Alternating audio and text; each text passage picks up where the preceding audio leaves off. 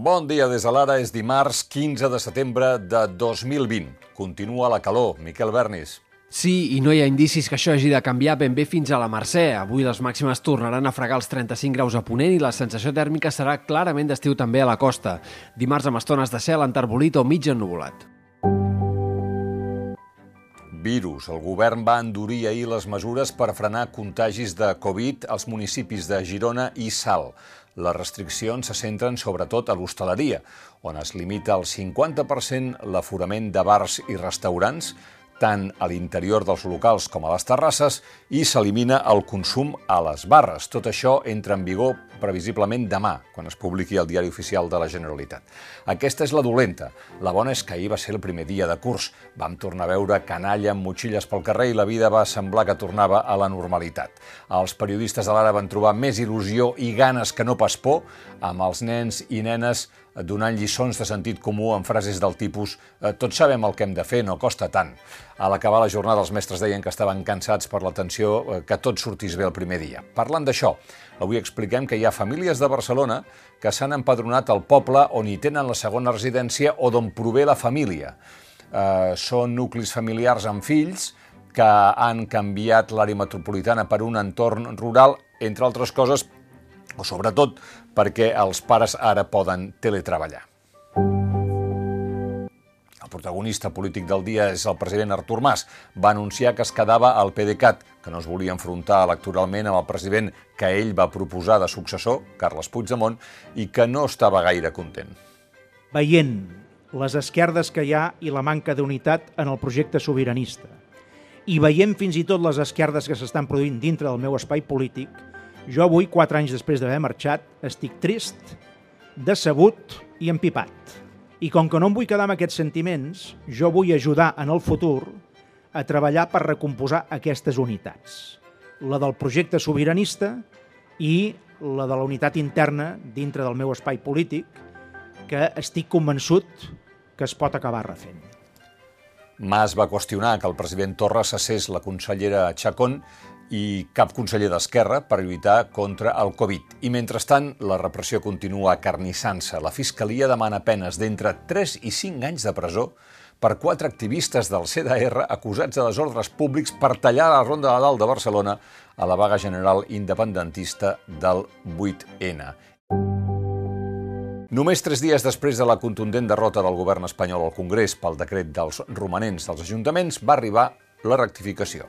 La ministra d'Hisenda Maria Jesús Montero va anunciar que portarà un decret nou al Consell de Ministres per aprovar algunes mesures que oxigenin les finances dels ajuntaments, com l'eliminació de la regla de la despesa per aquest any, pel 2020. Ja veurem en quants diners es converteix aquesta rectificació, però l'alcaldessa de Barcelona, Ada Colau, estava contenta. Això sí, va aprofitar per demanar més al govern espanyol. Cal habilitar que els ajuntaments puguem actuar, i cal acabar amb un marc normatiu que ve de l'època del Partit Popular i que ara mateix ens té lligats de mans i de peus. Hem tingut una davallada molt gran d'ingressos, en el cas de Barcelona d'un 20%, i en canvi tenim més despesa social que mai. I parlant de l'alcaldessa barcelonina, no us perdeu la crònica que afirma Xavier Grau del Cerro d'un col·loqui que hi va haver ahir al conservadoríssim Círculo Equestre de Barcelona.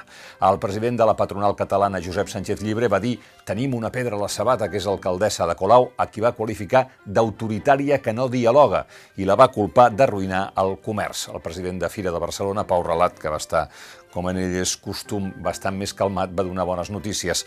El Mobile World Congress se celebrarà amb un bon nivell d'inscripcions i la pandèmia no retardarà l'ampliació de la fira.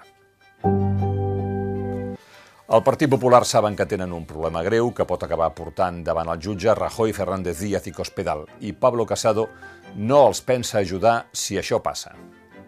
Me comprometí a soltar amarras con cualquier conducta no ejemplar que hubiera pasado en el partido en el pasado.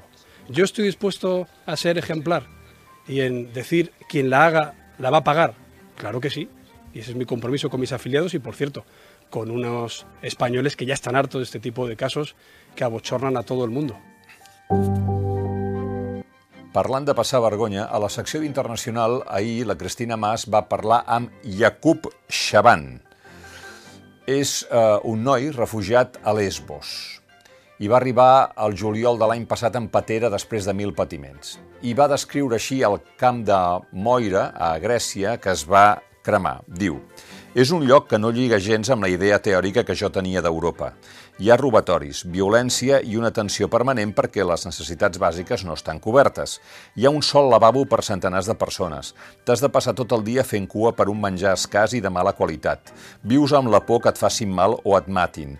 No hi ha prou aigua corrent i fa falta i la falta d'informació és total. Allà perds la humanitat. Europa és un fake diu aquest noi. Lesbos és un centre creat per demostrar a la gent que busca protecció que no són benvinguts a Europa. Avui l'Albert Martín Economia explica molts detalls de la fusió CaixaBank-Bankia.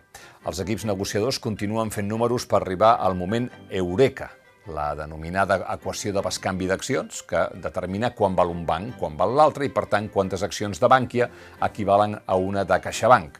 Cal recordar, per cert, que els últims dos anys l'acció de CaixaBank s'ha devaluat un 47% i la de Bànquia un 56%. Però així com el preu no està decidit, el que sí que ho està són la marca i la seu de la futura entitat.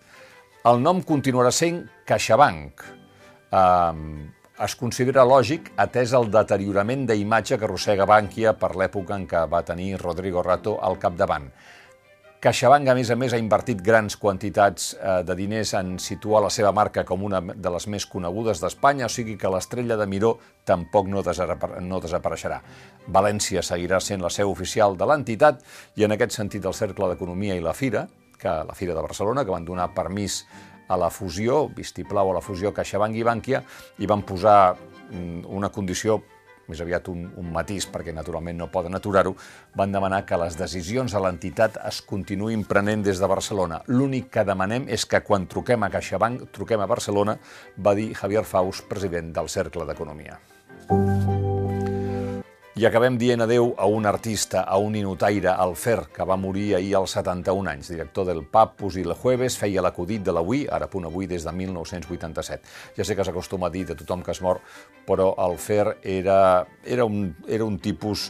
Um, era una bona persona, eh, malgrat la seva timidesa, o probablement per això era un home que sabia fer contactes i que sabia fer amics. Això, va, per exemple, li va permetre impulsar la creació del Premi Internacional d'Humor eh, Gat Peric. En fi, eh, parties de riure sentint-lo explicar el dia que fa moltes dècades va portar el seu primer acudit un diari li van preguntar i vostè com se diu? José Antonio vaja, eh, de cognom Fernández. No és gaire comercial, José Antonio Fernández. Com es diu de segon cognom? Diu Fernández també, diu deixi-ho estar i posis fer. Fins aquí les claus del dia, tornem d'aquí uns minuts amb l'anàlisi de l'actualitat.